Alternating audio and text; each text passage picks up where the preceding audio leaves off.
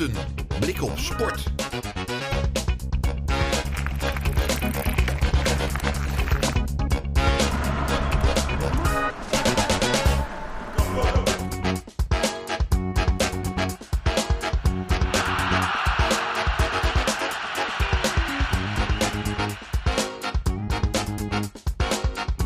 Welkom bij Blik op Sport, het sportprogramma van Houten bij Omroep Houten. We kijken terug op een mooi sportweekend, want de loop door Houten was afgelopen zaterdag. We blikken terug met voorzitter Jos de Bruin. Daarnaast zijn de play-offs aan de gang bij verschillende sporten in Houten. Hiervan volgen de uitslagen en komt aanvoerder Ruben de Bok van Handbal Houten aan het woord. Daarna spreek ik deze uitzending een bondscoach en een wereldkampioen. Ik ga langs bij de Padel Academie van Ewan Watson en bij Morchi Martial Arts. De resultaten van Houten. Het play-off avontuur van HC Houten, de Heren 1, is helaas voorbij. Nadat er in de eerste wedstrijd afgelopen woensdag werd verloren na shootouts, was het nu een duidelijkere nederlaag. Met 5-2 werd er verloren van Helmond en zo eindigt het avontuur en de kans op promotie voor de Heren 1 van HC Houten. Bij handbalhouten ging het iets beter. Hier weer een inbreng van Norbert. Ja, hier ben ik weer ditmaal met een enigszins schorre stem door het aanmoedigen van afgelopen zaterdag. Want er stond een hele belangrijke wedstrijd op het programma voor de Houtense handbalmannen. Als kampioen van de eredivisie speelt de Doomhandbal Houten namelijk een tweeluik tegen de nummer laatst van de Benelink om promotie naar dat allerhoogste niveau af te dwingen. Tegenstander is het Waalwijkse Tachos. En thuisbasis De Doom zat nokkie vol met supporters van beide teams en handballiefhebbers uit de regio en ver daarbuiten. Het eerste doelpunt van de wedstrijd komt op naam van de groen-zwarte uit Waalwijk, maar dan drukt Houten even het gaspedaal in en loopt uit naar 5-3, 6-3, 7-3, 8-3. Eredivisionist Houten zit duidelijk in een flow en elke kans wordt verzilverd. Aan de andere kant heeft Tachos veel moeite om het net te vinden. Veel schoten die er doorheen komen zijn een prooi voor de uitblinkende doelman Bjorn Brachten, die redding op redding verricht. En zo wordt het uiteindelijk 15-10 bij rust. Na rust zien we een getergd Houten terug uit de kleedkamers komen, vastbesloten om de score op te voeren. Tegenover elk doelpunt van Tachos zet Houten er dan ook drie tegenover. Een verschil van 11 wordt het zelfs. Wat een luxe. Het Houtense publiek staat inmiddels op de tribunes. De enthousiaste burgemeester in kluis. Dagels doet nog iets terug. Een laatste stuiptrekking. Maar Milo Bos, topscorer Niels Idema en baltovenaar Bram Versteegde bouwen dit weer uit naar een verschil van 10. Eindstand 32-22. Hoeveel? 32, 22. De eerste tik is uitgedeeld, maar feitelijk is de wedstrijd pas halverwege, want volgende week zaterdag wordt de tweede wedstrijd van het tweeluik gespeeld. Maar halverwege met 10 doelpunten voorstaan is toch wel een hele fijne uitgangspositie.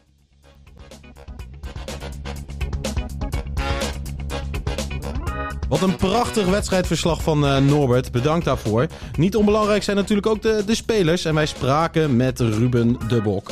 We hebben hem dit weekend al gesproken bij Omroep Houten. En hij legde uit hoe hij de wedstrijd had beleefd.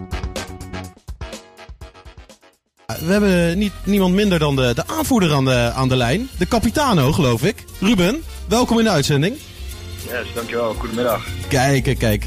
Hartstikke mooi dat je, dat je, dat je er bent. Nou, uh, vertel het maar aan heel Houten. Hoe is het gegaan uh, gisteravond? Ja, uh, op zich wel iets makkelijker dan we verwacht hadden. We hadden wel verwacht dat het een zware pot zou worden en dat het ja, wel echt een evenwicht zou zijn. Alleen eigenlijk na het eerste kwartier, 20 minuten liepen we al flink uit. Ja, dan hebben we daar eigenlijk het verschil al gemaakt en hebben we zo de wedstrijd uitgespeeld. En hebben we uiteindelijk 32-22 gewonnen. 32-22 gewonnen. Dat, dat, zijn, ja. dat is nogal eens een groot verschil. Dat is uh, heel erg verrassend. Ja, aan de ene kant wel verrassend. Alleen aan de andere kant uh, zijn wij het hele seizoen al uitgegaan van onze eigen kwaliteit. Dat hebben we nu gewoon weer gedaan. Onze eigen spelletje gespeeld met snelle tegenaanval. En uh, ja, gewoon de wissels en dingetjes waar we goed in zijn. En ja, zoals het hele seizoen heeft het gewoon goed uitgepakt. En ja, we hebben nou een grote slag geslagen om naar de Benelink te gaan volgend seizoen. Ja, geweldig. Want hoe werkt het nu? Wanneer is de terugwedstrijd? En als je die wint, dan, dan heb je ze te pakken, denk ik. Ja, dat klopt. Het is uh, gewoon een best of twee tussen ons en Tagels. En ja, de eerste hebben we dan gewonnen. Volgende week gaan we naar, naar Waalwijk. En ehm, ja, dan is daar de laatste wedstrijd. Dus uh, het is zeker nog niet gespeeld. Dat zou je denken met 10 verschil. Maar uh, daar moeten we zeker het klusje nog gaan klaren. Dus uh, we gaan nog een week hard trainen en dan, dan moeten we het gaan doen. Ja, want ik neem aan dat het 10 verschil, dat, die neem je niet extra mee voor de volgende wedstrijd, toch? Ja, in principe wel. Als wij daar bij wijze van met 9 verschil zouden verliezen, dan zijn wij over de twee wedstrijden wel de beste. Maar goed, wij gaan gewoon voor twee keer winst. En oh, ja, zo gaan wij die laatste wedstrijd in. Nou, dan zit het bijna in de tas. Ja, het was natuurlijk in de, in de, in de Doom. Uh, ik neem aan, vol stadion. Hoe was de sfeer? Ik was laatst mee met de kampioenswedstrijd van de Eredivisie. Ik, ik keek mijn ogen uit. Er was uh, ontzettend veel lawaai en, uh, en veel supporters mee. Maar hoe was het nu thuis om zo'n play-off te spelen? Ja, zeker wel weer een beetje hetzelfde sfeertje als in Den Haag. Ja, de Doom zat helemaal vol. gezellig. Veel mensen, veel oud-spelers die ook kwamen kijken en trainers. Dus uh, veel bekender voor iedereen. En uh, ja, als je dan zo'n goede wedstrijd neerzet, dan is dat gewoon, uh, ja, gewoon super. Ja, geweldig. En hoe, hoe, ging het zelf? Hoe was je eigen spel? Hoeveel, hoeveel heb je er weer van, van een afstandje inge, ingeknald? Ja, wel weer een aantal. Het was niet mijn beste dag, maar ja, ik, ik, ben wel gewoon weer belangrijk geweest voor het team. En ja, er zijn een boel jongens die wel vaak het net hebben gevonden. Dus ja. dat is alleen maar goed. Nou, prachtig. Handbal houden dus op de rand van uh, promotie naar de Benenliga. Dat kunnen we nu wel zeggen. Ja, één been uh, in de Benenliga, zullen we maar zeggen. Nou, prachtig. Dankjewel uh, Ruben voor, voor het gesprek. En ja, wanneer is het volgende week? Welke precies datum? ja, zaterdag. Dat is de tiende geloof ik. Kijk, dat is prachtig. Hartstikke bedankt. Ja, joh.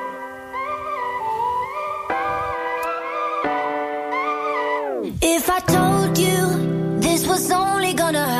if I warned you that the fire's gonna burn. Would you walk in? Would you let me do it first? Do it all in the name of love. Would you let me lead you even when you're blind? In the darkness, in the middle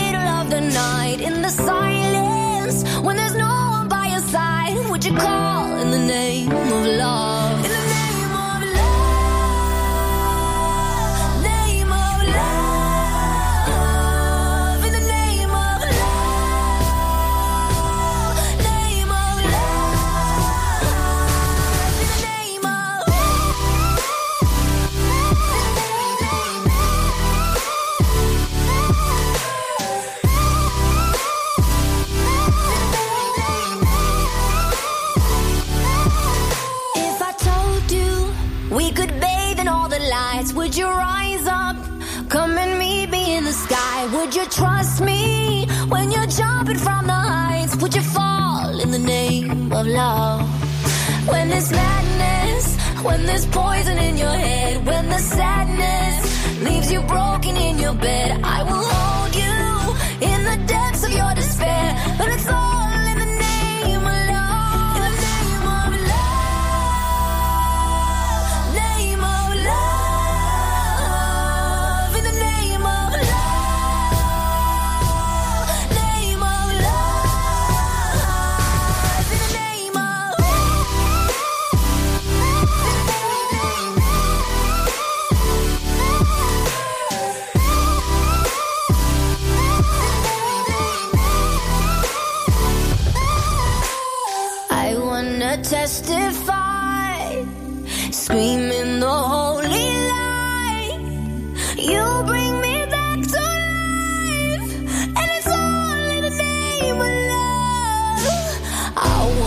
testify, screaming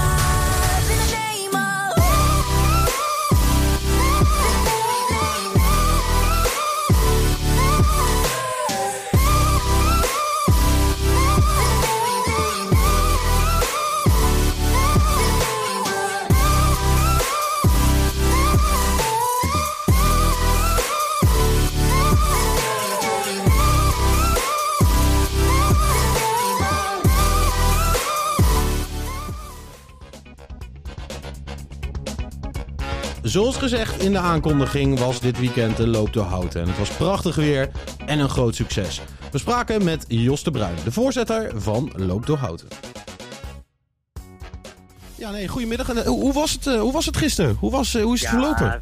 Het was een geweldig feest weer, kan niet anders zeggen. We hadden natuurlijk het weer mee. Voor de hardlopers misschien zelfs iets te warm. Maar voor de toeschouwers was het natuurlijk geweldig om uh, in het oude dorp en op kastellen naar de lopers te gaan kijken.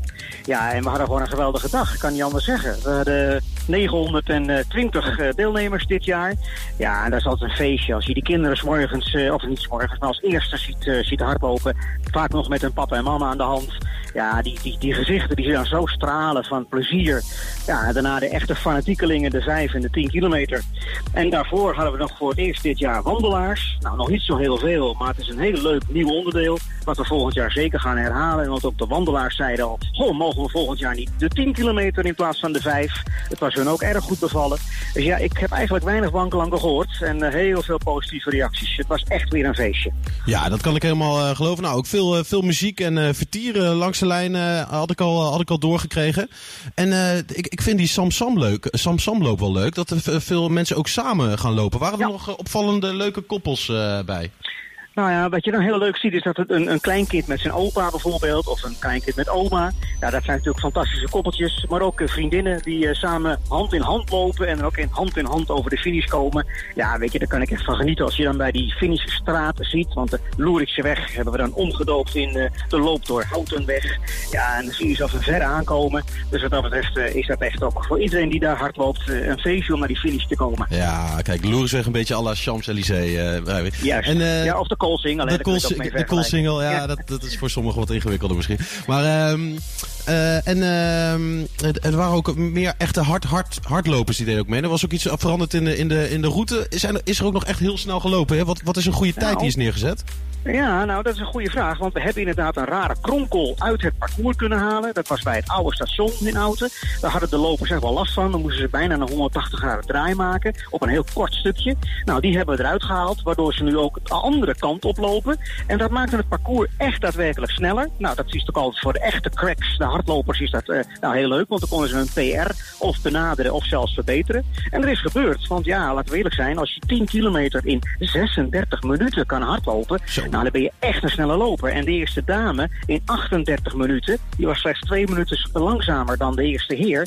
Ja, dat zijn echt topprestaties hoor. Daar waren we echt zelf ook over verbaasd. Kijk, prachtig. En die hebben ook een prachtige fruitband uh, gekregen, begreep ik toch? Ja, niet? inderdaad. Ja, ja, de kinderen krijgen allemaal medailles, uiteraard. Want dat vinden zij het mooist om te bewaren in hun eigen kamertje. En uh, ja, de, de volwassenen krijgen dan een fruitmand. Ja, kijk, mooi. En uh, mooi, laatste, laatste vraag of laatste opmerking. Toch een aardig aantal deelnemers, 920 zei je net. Dat is ja. nog lekker gestegen de laatste weken. Dat is zeker nog gestegen, ook door alle PR. Dank ook daarvoor aan Omroep Houten. Leuk dat jullie er gisteren ook waren, vonden we echt heel prettig. Mooi. En nu vandaag nog even een mooie afronding. Ja, 920 was een mooi resultaat. Kwam ook een beetje door de zaterdagavond, want we hadden zelf nog op iets meer gehoopt. Maar volgend jaar zitten we weer op de tweede vrijdag van juni. En dan verwachten we weer de bekende 1250 tot 1500 deelnemers. Kijk, dan hebben we nog ongeveer 300 mensen nodig voor volgend jaar. Juist. Die lekker gaan lopen. Dus goed voor je. En, uh, ja. en het is gewoon hartstikke gezellig, want een, een bomvol houten, dat willen we zien. Ja, dat willen we zeker zien. Dat maakt de houten nog leuker. Dat is het DNA van houten, hebben we geleerd. Kijk, nou, Jos, hartstikke bedankt. En uh, tot volgend jaar.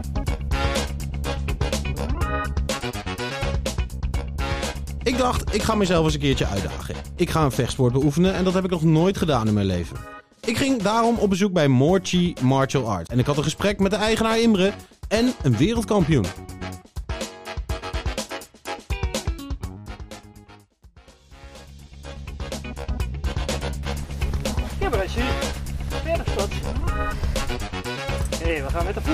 Dubbel kruisen. In één keer door. Gebruik vooral je heupen om te draaien.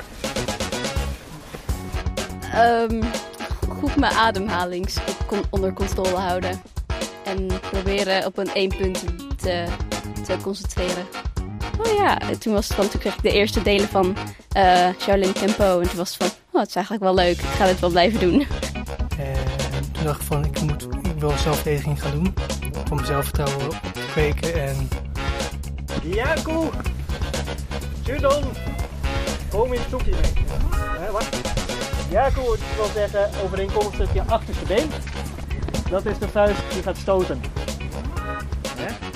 En Komitsuki, dat is een draaiende stoot. Dus de vuist die komt van de zij, naar voren en draait tot de knokkels omhoog wijzen. Precies. Shudon is de hoogte, borsthoogte. In- we zijn weer in Houten, we zijn weer op bezoek en ik eh, ben zelfs aan het eh, meetrainen op dit moment. Eh, met wie spreek ik en waar zijn we en wat wordt hier gedaan? Ik ben Imre van der Bijl.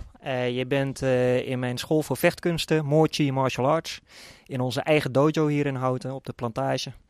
Eh, wij trainen hier vechtkunsten en dat zijn twee verschillende stijlen. Eh, de ene stijl, daar ligt mijn eigen achtergrond. Dat heet Shaolin Kempo, eh Shaolin Chuanfa zeggen we ook wel. En de andere stijl heet Hao Chuan Kung Fu. Ehm, de eerste die ik noemde, dat is een, nou, laten we zeggen, makkelijk gezegd een drakenstijl kung fu. Daar zitten verschillende dierstijlen in samengevat. En de tweede is zo mogelijk nog zeldzamer, dat, dat is een apenstijl kung fu. Ehm, nou de naam zegt het al, vooral het, nabootsen van de bewegingen van, eh, van de aap. Dus dat is, eh, dat is wat hier gebeurt. Ja, en ik, ik zie al eh, veel gebeuren. Ik mocht met, de ik mocht met de warming-up meedoen. Ja, ik zie iedereen van, van jong, of, jong en oud zie ik hier eh, in, in de groep staan. Die trainen op dit moment. Waarom is het zo leuk? Eh, ik, ik denk, hè, en dan ga ik ook een beetje af op mijn eigen ervaring, eh, maar dat dat vooral zit in de enorme diversiteit aan mogelijkheden die het biedt. Ehm, eh, we hebben grofweg twee delen in de training. Het eerste deel is echt gericht op eh, het fysieke welzijn, zeg maar. Dus eh, een warming-up, maar dan een flinke. Dus we warmen eerst goed op, maar dat, dat trekken we door naar, naar of een goede conditietraining of een goede krachttraining. Of een mix van beide. Er zit ook heel veel cardio in. Maar ja, de, de sport vereist natuurlijk ook wel wat lenigheid bijvoorbeeld. Dus we doen ook goede rek- en strekoefeningen. Ehm, en ook in het eerste deel komt vaak ademhaling naar voren of meditatie. Dus al- alleen al in het eerste uur van de twee zit, zit verschrikkelijk veel diversiteit aan oefeningen en dingen die we doen. En dan komt het tweede deel waar we ons echt focussen op techniek. En bij techniek moet je dan denken aan, eh, nou ja goed, wij, hanteren eh, drie principes zeg maar. Isolatie, integratie, improvisatie. Ehm, isolatie, dan ga je echt aan de gang met of een stand bijvoorbeeld. Hè. Hoe zorg je dat je stevig staat, dat je, dat je echt geaard bent. Eh, of de techniek zelf, zoals het geven van een goede stoot, een goede slag. Eh, en ja, als je daarin duikt, dan moet je echt denken aan, aan eh, de verschillende aspecten van één techniek waar je rekening mee kunt houden, waar je op kunt focussen. Eh, dus dat gaat niet alleen maar om, om hoe doe ik dat zo hard mogelijk bij iemand anders. Maar dat gaat echt om, nou, wat is bijvoorbeeld het raakvlak van een stoot? Welke knokkels gebruik ik om te raken? Hoe moet ik mijn hand houden om dat goed te kunnen doen? Met welke beweging voer ik dat uit? Eh, en, en ook hoe kan ik daar het beste bij staan en die stand gebruiken om die beweging in gang te zetten. Ja, want ik, ik, heb, ik heb zelf net meegedaan. We zijn, we zijn in de pauze en ik moest bij, de, bij het opdrukken moest ik mijn knokkels helemaal op de grond zetten. En dat, dat lukte mij gewoon niet. Ja. Ja, dat vond ik een hele vreemde gewaarwording eigenlijk. Ja, nou eigenlijk is dat, zou je kunnen zeggen, een ondersteunende oefening. Dus wij drukken eigenlijk standaard op op de knokkels. En dat zijn dan niet alle knokkels van de vuist, maar dat zijn specifiek de knokkels van de wijsvinger en de middelvinger. Ehm, want die vormen het raakvlak bij het geven van een stoot. Dus op die manier is het echt ondersteunend aan het oefenen van het raakvlak van een stoot. Daarnaast, als je op deze manier opdrukt, dan moet je de polsen recht houden. Eh, als je dat niet doet, dan zak je gewoon door je armen heen bij het opdrukken. Eh, en dan land je met je neus op de grond. Dus dat is niet handig. Dus het is een, ook een vaardigheidsoefening om je, je polsen goed recht te houden. En dat heb je weer nodig als je een stoot uitdeelt. Als dan je pols omklapt, ja, dan, dan heb je een risico om, eh, in extreem geval, om hem te breken zelfs. Dus het is ondersteunend aan eigenlijk het geven van een goede techniek. Kan je nog herinneren dat jij het voor het eerst keer deed? Ja, eh, heel specifiek zelfs, want dat was op 3 januari 2004. Eh, op een of andere manier heb ik dat altijd onthouden. Ehm, mijn toenmalige vriendin was zwanger van mijn, eh, van mijn eerste dochter. En eh, ik had echt behoefte aan, eh, aan sport, aan, eh, aan een, ja, iets om ehm, mijn zinnen te verzetten. Ehm, om zowel fysiek als mentaal goed bezig te zijn.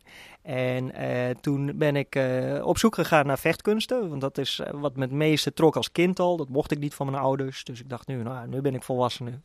Nu, nu ga ik dat gewoon doen. En uh, ik kwam terecht bij een school waar uh, dit aspect ook van, van, van dat heel hard trainen in dat eerste uur me onwijs aansprak. Het was gigantisch zwaar. Ik vond het echt heel moeilijk om, uh, om mee te komen. Ik zweette me helemaal kapot.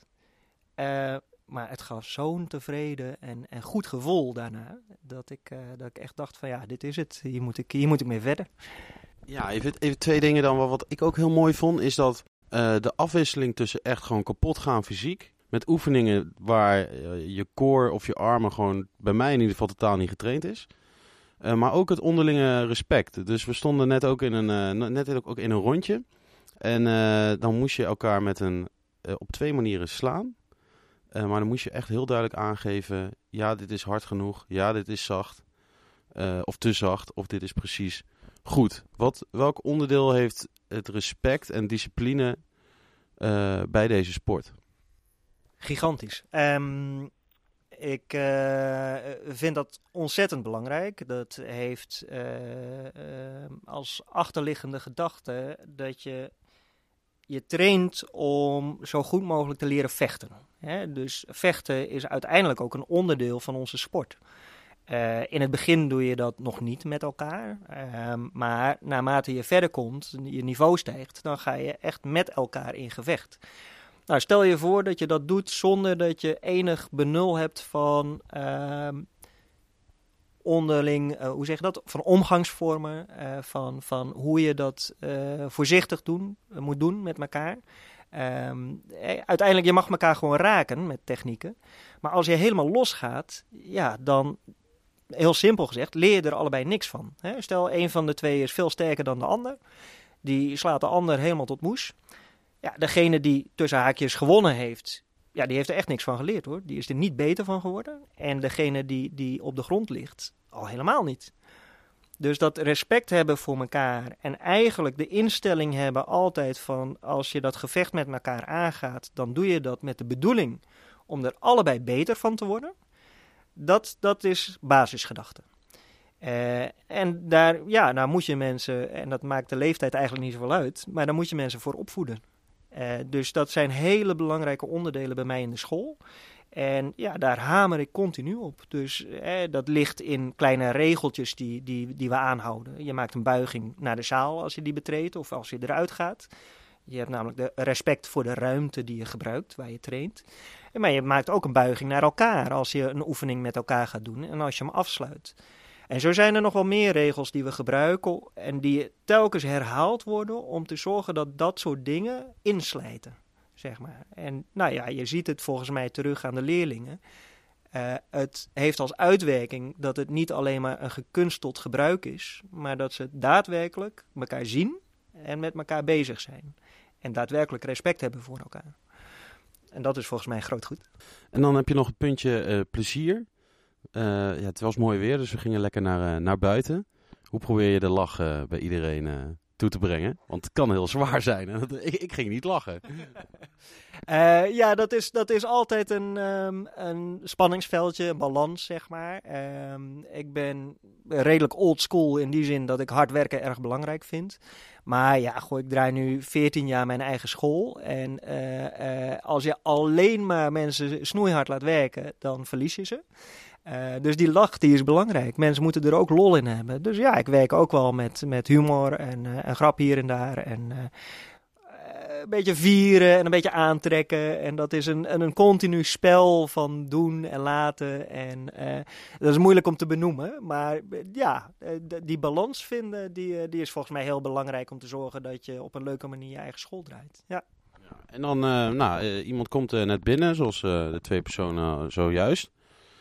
Uh, wanneer ben je tevreden na een x aantal perioden? Over ja, wat, wat, wat vind jij belangrijk als iemand hier een tijdje zit? De individuele ontwikkeling. En dat betekent dat niemand is hetzelfde. Uh, mensen komen hier binnen, nou, zoals uh, een van de twee van de net, dat is een vijftiger. Uh, daar moet je waarschijnlijk eerlijk tegen zeggen: Nou ja, luister, de kans dat je een Bruce Lee wordt, die zal niet zo groot zijn als je op deze leeftijd begint. Maar dat wil niet zeggen dat je je niet kunt ontwikkelen. Dus een ontwikkeling is heel persoonlijk. En uh, mensen die binnenkomen, die komen binnen met uh, verschillende ambitie. En daar zeg ik tegen, nou ja, prima, als dat je ambitie is, dan gaan we daarmee aan de slag. Dat betekent ook dat ik als begeleider een redelijk individueel traject met mensen inga in een groep. Um, maar um, uh, zo'n ambitie kan ook nog veranderen natuurlijk gedurende het traject. Uh, maar volgens mij ga je zo meteen bijvoorbeeld Michiel nog uh, wat vragen stellen. Hè? Michiel die heeft op een gegeven moment heeft hij uitgesproken... ik wil eigenlijk wereldkampioen worden in Kempo. Ah ja, dat is nogal een ambitie. maar dan zeg ik tegen zo'n jongen van ja, oké, dat is goed. Maar dan heb je dit en dit en dit nodig om daar te kunnen komen. En als je op die punten committeert, als je dat zegt, oké, dat gaan we doen, dan wil ik je daarin begeleiden. En dan zeg ik dat ook toe dat ik, dat ik die dingen met jou samen ga doen. Uh, nou is dit, uh, pak ik even een vrij extreem voorbeeld, maar het is mogelijk. Hè? Dus mensen kunnen dat uitspreken en dan kan ik zeggen, oké, dat, dat ga ik met jou doen dit is extreem omdat er heel veel voor nodig is. Een ander die zegt, nou mijn ambitie is, ik wil gewoon lekker trainen. Ik kom één keer in de week of twee keer in de week. En ik vind het fijn als ik, als ik straks niet vijf keer kan opdrukken, maar, maar twintig keer. Ook een hartstikke mooie ambitie. En dan gaan we daaraan werken. Dus dat kan, dat kan heel erg verschillen. En daar is voor ieder wat wils. Ehm, en dat vind ik een van de hele mooie dingen die ik kan bieden als begeleider, als trainer.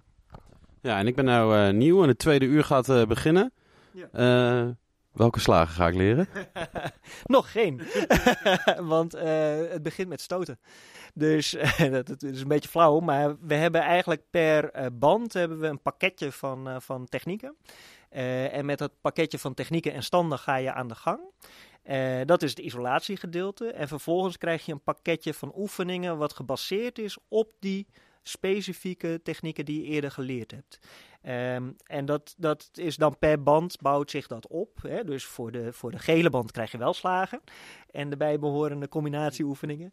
Um, en zo kom je steeds verder. En het mooie is dat er uh, vanaf de gele band ook nog per band is dat eigenlijk gekoppeld aan een dierstijl. Dus de gele band bijvoorbeeld, dat, is, uh, dat zijn technieken die horen bij de kraanvogel en, en wat oefeningen die daar uh, aan verwant zijn. En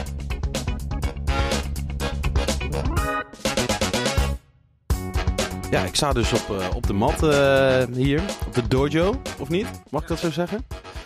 En uh, ik heb net gewoon even, even geoefend met een wereldkampioen. Nou, je zit tegenover Michiel Verijn. En wereldkampioen worden word je met veel inzet, de juiste mindstate, veel hulp om je heen. Van mijn vrouw gehad, van de sensei, teamgenoten, goede voeding, plantaardig voornamelijk destijds.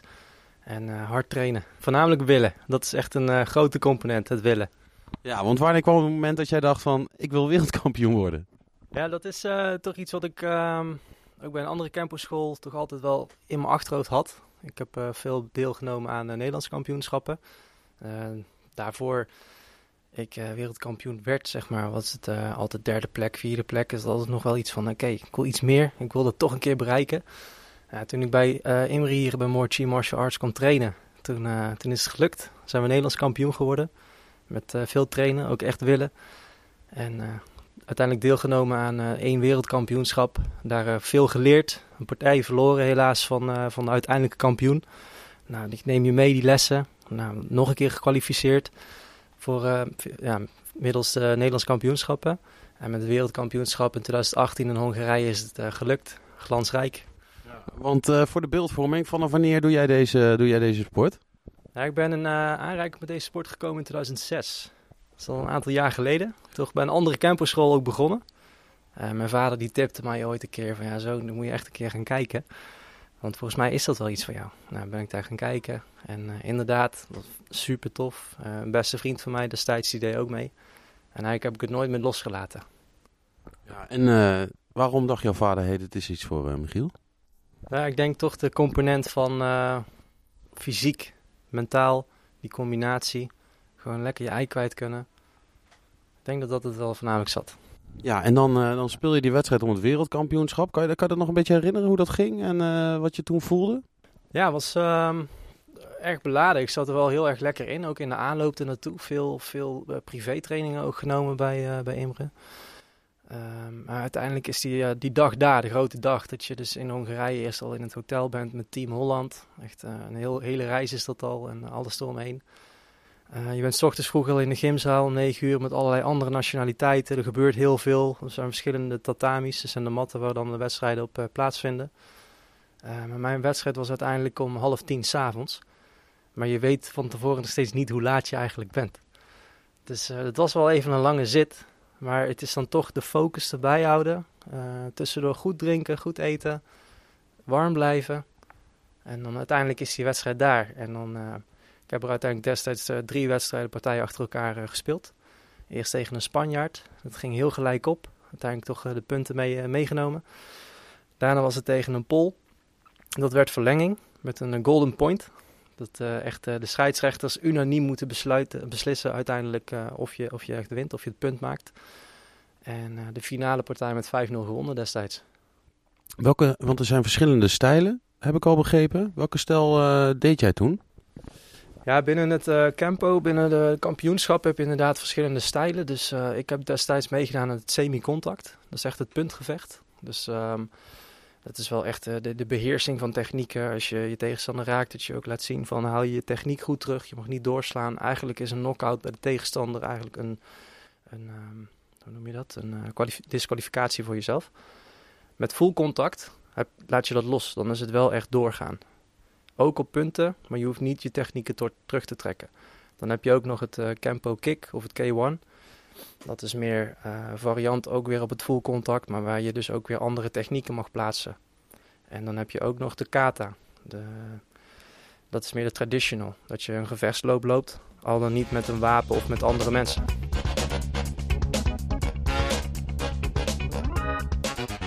Ja, als je geïnteresseerd bent om uh, eens bij ons een, uh, een vrijblijvende proefles te komen doen, ben je van harte welkom. Ik vind het altijd fijn als je even wat uh, laat weten van tevoren, maar je kunt ons vinden op www.moorchi.nl of je stuurt meteen een mailtje naar info.moorchi.nl en dan maken we een afspraak en dan kom je een keer langs om mee te doen. Stel je je voeten op het voetenbankje. Lekker relaxed. Nu Queen met Don't Stop Me Now.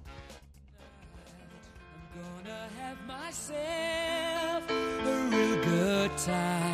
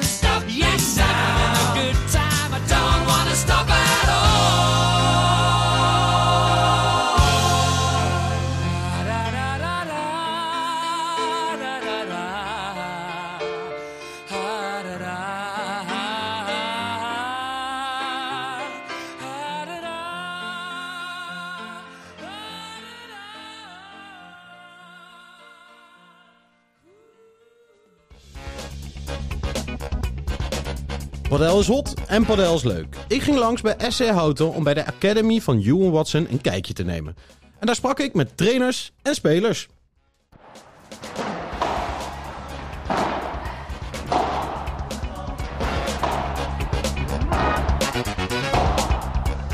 Ja, mijn naam is Ewan Watson, eh, eigenaar van Padel Academy Transition. Eh, is in eh, 2016 opgericht. Ehm, ik kwam vanuit de tennis. En eh padel gespeeld één keer. En eigenlijk binnen 10 minuten verkocht. Eh, dus elke maand een keer gespeeld. Eh, in Nederland waren er nog maar vier locaties op dat moment. Dus het was echt nog heel klein. Maar zo verkocht aan het spelletje dat ik ja, mijn passie voor lesgeven daarmee meenam.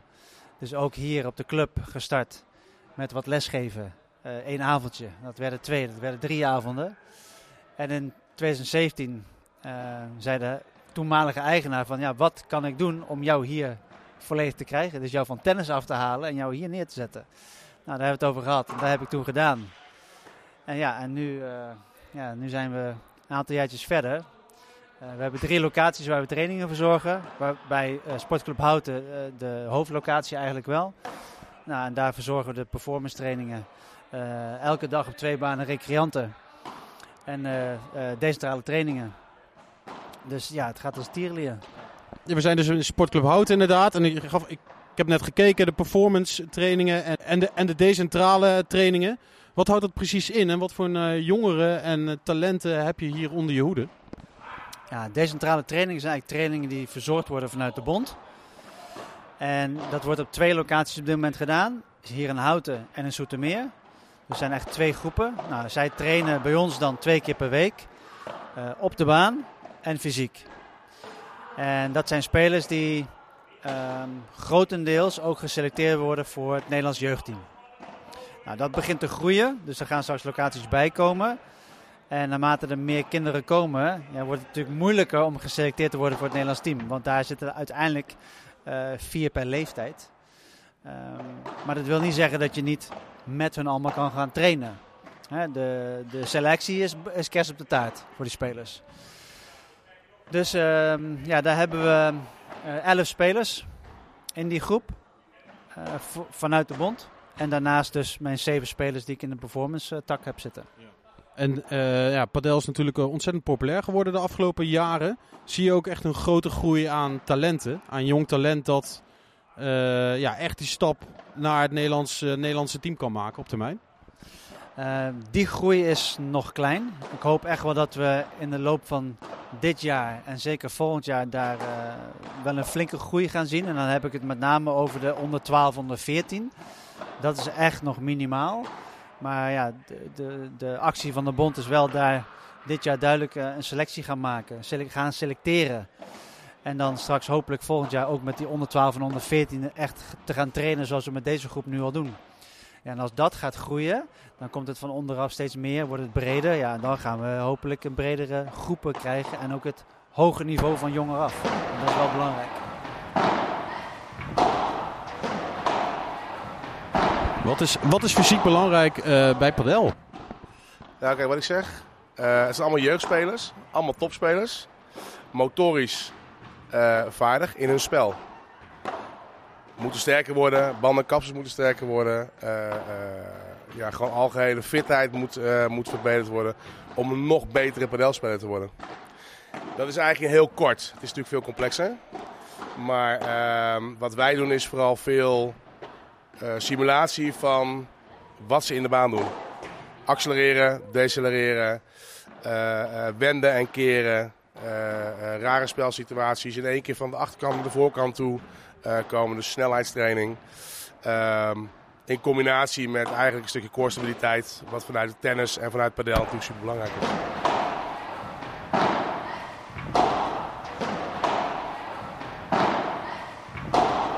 Ja, ik sta eh, naast de training en die training is net voorbij. En ik sta nu op dit moment naast. Tess de Vocht. En Tess, ehm, ja, jij speelt op hoog niveau padel en je traint bij Ewan. Eh, hoe, lang, hoe lang ben je al aan het padellen? Eh, ik padel nu ongeveer drie jaar. Waarbij ik eerste twee jaar van het padel eh, gecombineerd heb met tennis. En nu sinds zeker dik een jaar wel fulltime padel. En je bent hoe oud? 19 jaar oud. 19. Oké. En hoe ben je in aanraking gekomen met padel? Eh, toen ik zes was, was ik begonnen met tennis. Eh, dat deed ik eigenlijk tot eh, ik 16, 17 jaar oud was. En toen zei iemand, begonnen bij ons de padelbaan eh, bij de club te komen. En toen zei iemand, waarom ga je niet eens een keer mee padellen? Nou, toen ben ik een keer mee geweest en zo een paar keer meer. En ik begon het eigenlijk steeds leuker te vinden. Dus zodoende dat ik eigenlijk met padel in aanraking ben gekomen. Oké, en nou, ik heb het net gezien. Je bent, je bent heel goed. Hoe, hoe word je goed en wat, hoe zit dat nu in Nederland in elkaar? Om, want ja, eh, het is natuurlijk een, een eh, populaire sport geworden. Maar hoe zit die structuur in elkaar van een, een echte goede speel, speelster worden en wat moet je er allemaal voor laten? Eh, je moet sowieso heel veel trainen. Eh, dat is niet alleen padeltraining, maar ook fysieke trainingen. Dus eh, dat doen we zeker, allebei. Eh, ik train nu eh, elke dag door de week. Op sommige dagen ook twee keer, zoals dinsdag en vrijdag. En daarnaast ook altijd eh, drie keer in de week fysieke training. En dat is twee keer in de week krachttraining en één keer fysiek hier op de baan. Waarbij er meer kleinere sprintjes worden getrokken. En allemaal dingetjes voor wat je echt op de padelbaan nodig hebt, zeg maar, qua beweging. Oké, en, dan, en dan ben je heel goed. Hoe word je dan gescout? Of hoe, word je dan, eh, hoe kom je dan bij een team terecht? Ehm, ik denk toen ik eh, begon, eh, eh, kon ik me opgeven zeg maar, voor het WK Jeugd. En daarvoor moest je opgegeven worden door je eigen trainer. Dus die heeft mij toen in de tijd aangemeld en zo mocht ik een keer voorspelen. En dat was hier ook in Houten. En zodoende ben ik eigenlijk mee in het team opgenomen. En zo train ik nu ook hier. En dan zit je bij de nationale jeugdselectie of hoe, hoe, hoe heet het dan? Ja, ja eigenlijk gewoon eh, de jeugdselectie van Nederland, inderdaad kun je het noemen. Ehm, eh, en die was inderdaad ook hier in Houten, zeg maar. Dus eh, zo noem je het inderdaad. En je traint heel veel, maar dan speel je ook toernooien. Wat voor toernooien heb je allemaal achter je naam staan en waar, waar zijn die? Eh toernooien zijn hier in Nederland, maar je kunt ze ook zeker in het buitenland spelen. Dat kan tot aan eh, vlakbij België of echt eh, in Spanje en weet ik allemaal waar. Ehm, in Nederland heb je bepaalde toernooien die punten geven voor de Nederlandse ranglijst. Je hebt drie verschillende niveaus. Een P100, als je die wint krijg je 100 punten. En 250, als je die wint twee- eh, 250 punten. En het hoogste 500 punten, dus een P100. Eh, eh, en zo kom je eigenlijk, eh, verzamel je punten en daarmee kom je op een Nederlandse ranglijst te staan. En zo werkt het eigenlijk ook in een internationale ranglijst. Ehm, daarbij heb je niet de vorm van punten, maar heb je gewoon een bepaalde naam voor een toernooi. Ze heten allemaal VIP-toernooien. Eh, en daarbij heb je een eh, VIP Promotion, dat is het laagste. Dan een VIP Rise, dan Star, dan Gold en dan Platinum. En zo, hoe, die laatste die ik opnoemde, geeft dan het meeste punten. Oké, en eh, voor, voor de beeldvorming, op welke, eh, welke ranglijst, op welke plek sta jij nu? Ik sta nu rond de 180 van de internationale ranglijst. En daar staan ook eigenlijk alle toppers op. En op de Nederlandse ranglijst sta ik nu nummer 13 van Nederland. Oké, oh, dat is, eh, dat is heel, heel goed. En wat voor toernooi ga je allemaal spelen en wat is je doel voor de komende drie jaar ongeveer? Ehm, sowieso in Nederland in de top 10 eh, te komen en te blijven. Eh, sowieso ook blijven is altijd wel een uitdaging. Omdat eh, na een ieder jaar vervallen de punten die je het jaar daarvoor van toernooien hebt gespeeld, vervallen dan weer. Dus je moet ook weer punten gaan verdedigen, zeg maar. En eh, internationaal probeer ik, wil ik wel echt binnen de top 125 te komen. Van, de, van die VIP-ranglijst, wat ik net vertelde. Ja, en dan heb je denk ik goed, eh, goed gepiekt, want het is nu heel erg populair. Het wordt misschien olympisch. Eh, hoe, eh, ja, hoe is dat voor jou om opeens in zo'n populaire sport eh, langzaam te geraken? Ja, heel leuk. Ook leuk om te zien dat er steeds meer mensen aan meedoen. Zowel hier in Nederland ook als internationaal. Eh, ook, eh, we zijn ook een keer met het jeugdteam naar Zweden geweest. En daar begint het ook echt heel groot te worden. Steeds meer hallen. Dus dat is ook wel heel leuk om te zien. En zeker ook dat het eventueel Olympisch gaat worden, spreekt mij heel erg aan. Dat is ook zeker iets wat ik heel graag zou willen. Om daar naartoe te gaan. Dus dat lijkt mij heel gaaf.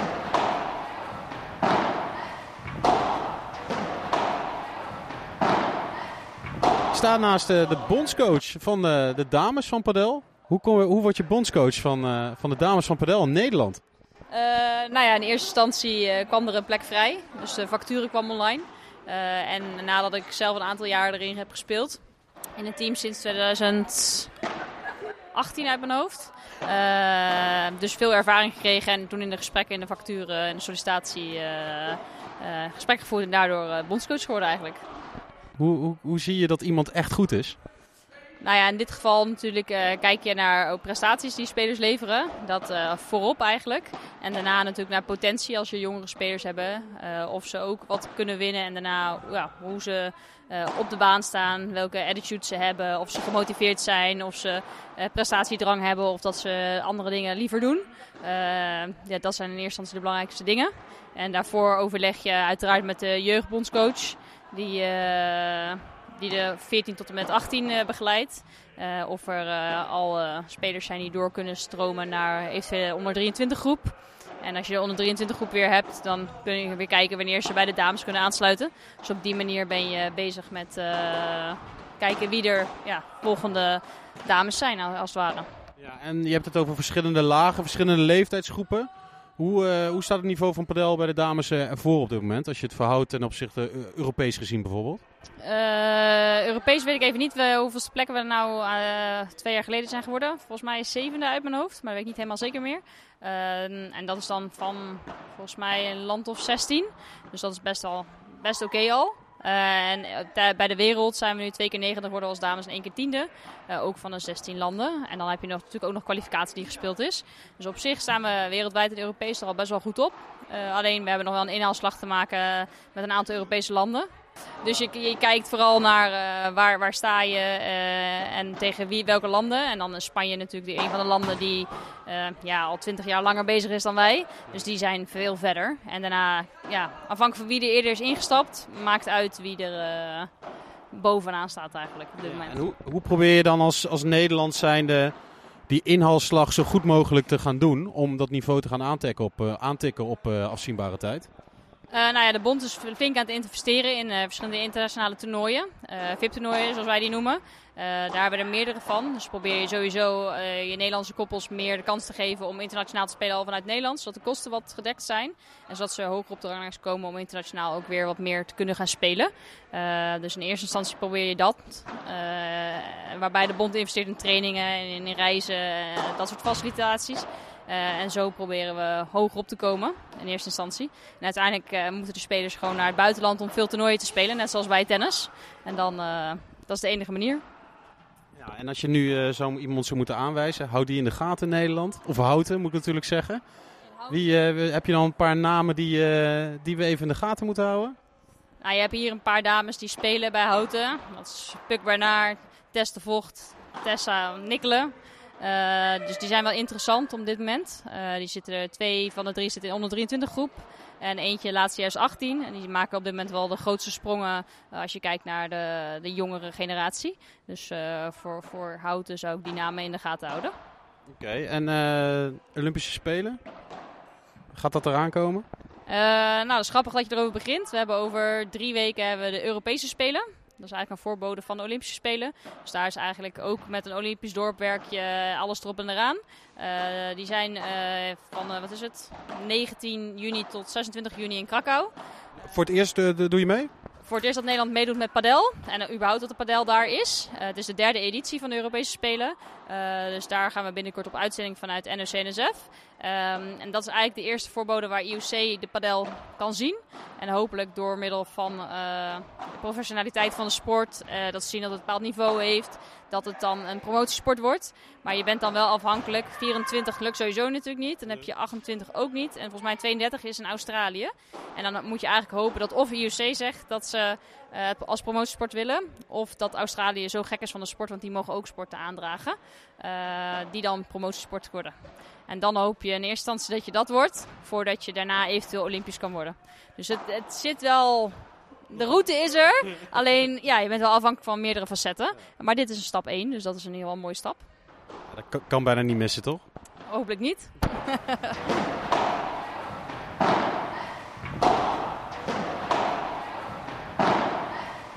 Dan maken we even de switch naar de, naar de recreanten. Eh, padel is populair, padel is hot. Ehm, wat, wat als een recreant zich hier binnenkomt, eh, voor de eerste keer gaat spelen, waar moet je op de padelbaan nu op letten om, eh, niet, ja, om niet, niet te gaan tennissen, bij wijze van spreken? Wat, wat zijn de basis, basisdingen voor, voor padel? Ja, kijk, het allerbelangrijkste waar je, waar je heel veel stappen mee kan maken, is eigenlijk je positionering. Waar ga ik staan in de verdediging? Waar sta ik aan het net? En dat je dus eigenlijk de aanval altijd samen oppakt en de verdediging samen oppakt. Wat we gewoon veel zien, omdat zoveel mensen nu aan het spelen zijn. Ze komen hier binnen en ze staan over te spelen en te slaan en ze hebben het allemaal naar hun zin. Maar speltechnisch lijkt het nergens op. Zeg ik met alle respect. Omdat ze ook gewoon het nog niet weten.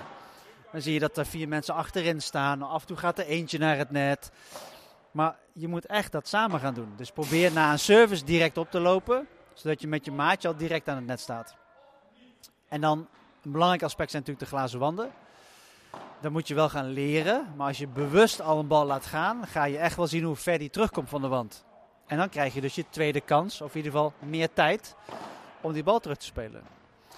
Nou, van daaruit ehm, ga je het hebben over een volley, die belangrijk is. Een bandeja, die belangrijk is. Nou, voor degene die niet weten wat een bandeja is. Leg die eens even uit. Ja, dat is eigenlijk dus op het moment dat er een hoge bal komt, misschien wel een poging tot een lop, hè, de bal over je heen, die wat korter valt, laten we zeggen binnen het surfvak, probeer die uit de lucht te pakken. Maar je moet hem zo proberen te spelen dat de bal niet hard terugspringt van de wand. Want als hij hard terugspringt, lopen je tegenstanders weer naar voren en dan zetten ze weer druk op jou. Dus jouw bandeja is een, eh, misschien, ik zeg altijd wel eens een hogere volley, zeg maar. Het is geen smash, maar meer een hogere volley. Waarbij je de snelheid langzaam houdt, zodat je terug naar het net kan en jouw tegenstander achterin, eh, achterin blijft staan.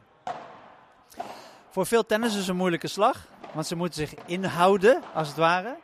Eh, maar ja, door die rebound van het glas is dat wat nodig is om dat net te behouden. Dus dat is een belangrijke.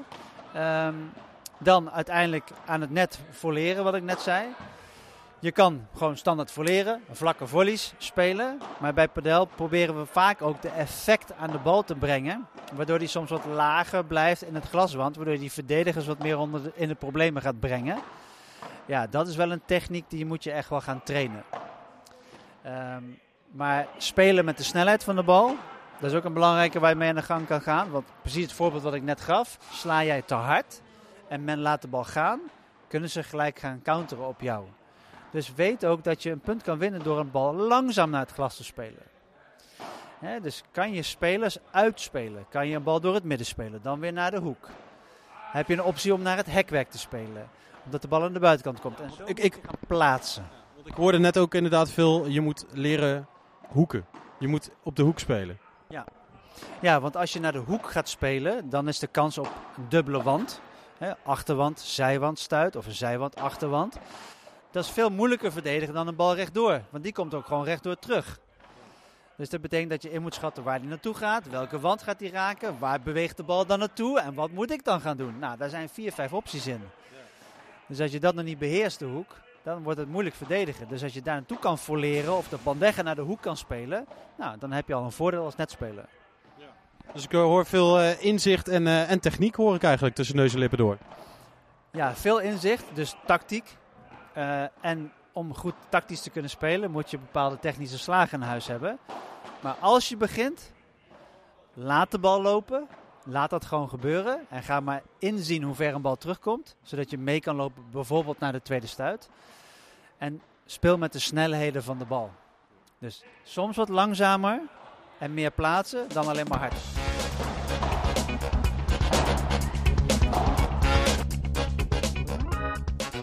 Wil jij nou ook bijdragen aan verhalen in en rondom Houten over sport? Neem dan nu contact met mij op via ruben.omroephouten.nl Nu Robbie Williams met Rock DJ.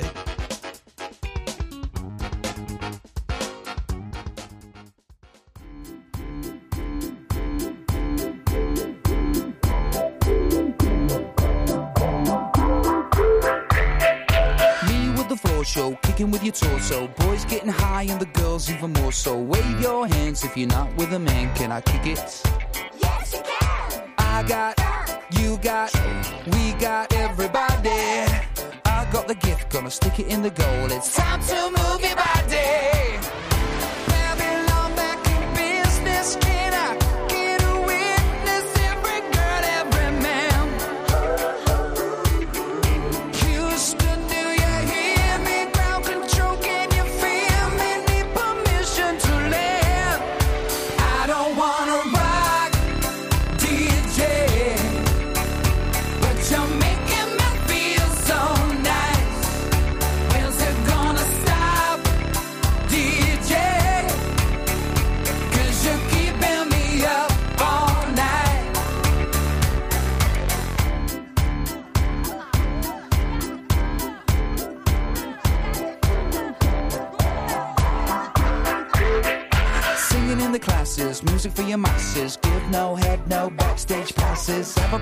A I'll be quite polite. But when I rock the mic, I rock the mic. You got no love, then you're with the wrong man. It's time to move your body. If you can't get a girl, but your best friend can, it's time to move your body.